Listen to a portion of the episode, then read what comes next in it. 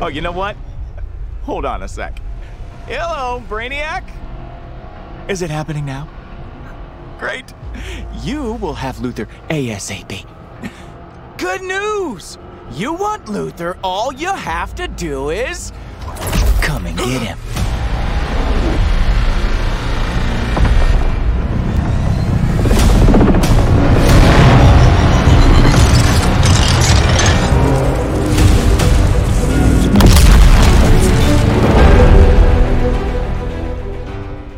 After completing roughly half of the campaign, we delivered our first impressions of Suicide Squad Kill the Justice League in an article where we did start by pointing out that there are parts of this experience worth mentioning, highlighting, and praising. We still feel that way, and it's worth reiterating that Rocksteady is one of the best studios in the world when it comes to set design, narrative building, motion capture, facial animation, and scene construction. It's not just about technique, it's about understanding the visual language behind each character, each area, and positioning the characters in the scene in a way that makes it exciting to watch the action. They certainly managed to do that. But from here, we just go deeper and deeper into a depressing pit of grievance, anger, disappointment, and resigned hyperbole. We get no joy from ripping apart a game that on the surface could have appealed to us and that we really wanted to love.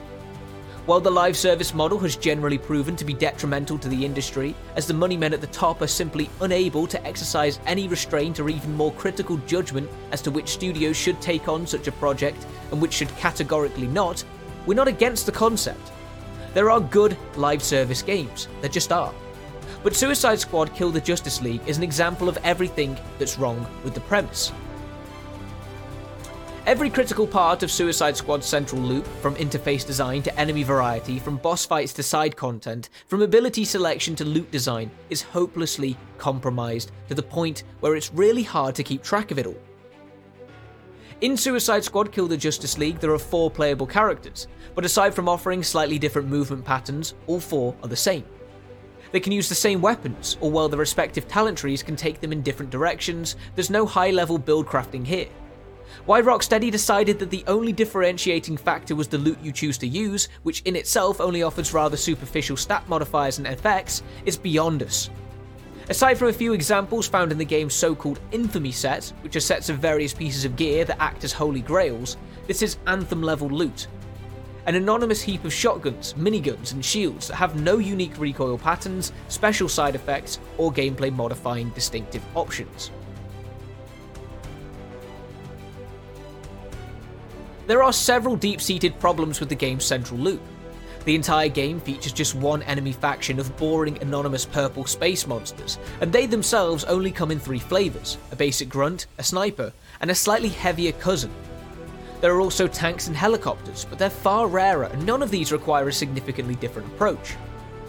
Some enemies undergo a very superficial transformation during the campaign, but aside from the fact that some grunts can move quickly and some snipers can turn invisible, Suicide Squad Kill the Justice League doesn't really play with difficulty or enemy variation. And it doesn't matter if you just want to get through the campaign or spend hundreds of hours on the game's endgame, as it stands right now.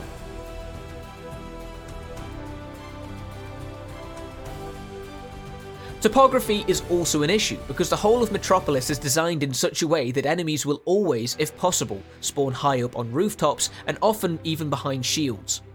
This means that it is quickly telegraphed to the player that verticality is everything and that jumping from rooftop to rooftop is the most efficient way to reach your opponents. And in the long run, this means that you'll never have a memorable relationship with the world you're in, as you're always moving above it, hovering and focusing your attention solely on those rooftops that rise far above the details that are forgotten at street level. But this also means that battles always feel monotonous because the game doesn't play with locations and never sets up exciting battle arenas that challenge your understanding of your surroundings. In this way, Suicide Squad is a bit like Sonic Frontiers. There is perhaps an exciting world beneath you, but the gameplay loop prevents you from engaging with it because that loop is constructed on top of that world, not within it.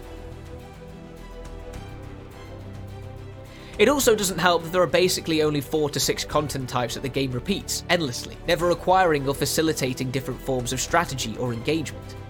To be fair, a good 90% of the campaign is also created using these mission types, where you have to defend Poison Ivy's plants, deliver allies to a Fortnite inspired battle bus, or destroy specific nodes in an enemy fortress. You'll be asked to do this over and over again, both to progress through the campaign and as part of the game's endgame. You arrive, hover, jump, shoot, and complete, and then get rewarded with a piece of loot you don't care about. Even the story, you know the one that the game is praised for in some places, is downright hopeless. Well, there's a grace in taking the concept of kill your heroes terribly seriously and really going all out to kill the Justice League, it's done so bluntly here, with both the boss fights themselves lacking gravitas and style, while Rocksteady never really manages to support or capitalise on the otherwise rather exciting premise. The moral compass spins all over the place, only to reset here and there, and you're never really aware of whether the Suicide Squad are villains, anti heroes, heroes, or a mix of one of the more aforementioned categories. Of course, it may seem appealing on the surface that the game refuses to conform to a classic narrative formula, and there are points for being both brave and willing to walk the narrative plank. But neither the battles nor the way these heroes are defeated are particularly satisfying, and those are the only moments that break from the established formula. It's hard to see them as bright spots, and by the way, there's not a single strand of side content involving other side characters from the wider DC universe, no exciting dialogue initiated by finding a specific location, no surprises. Forget the Arkham series structure where you chase a bunch of bad guys at the same time. Here, you're only here to shoot purple aliens and pick up the next legendary shotgun with a 12% increased crit chance. That's it. You bring in Penguin, Poison Ivy, and more, but after their respective introductions, they become nothing more than shopkeepers in the game's hub. That's what these characters are reduced to glorified vendors. Who thought this would either go unnoticed or be downright commendable? Suicide Squad Kill the Justice League has fundamental design issues everywhere you look. This is a case of Rocksteady making the wrong decisions from the outset, and while they've executed their vision with technical sophistication and attention to detail, make no mistake, Suicide Squad is polished and gorgeous, but scratch the surface and give it more than 30 minutes and it all falls apart. Not only does it fall apart, it actively gets worse the longer you play.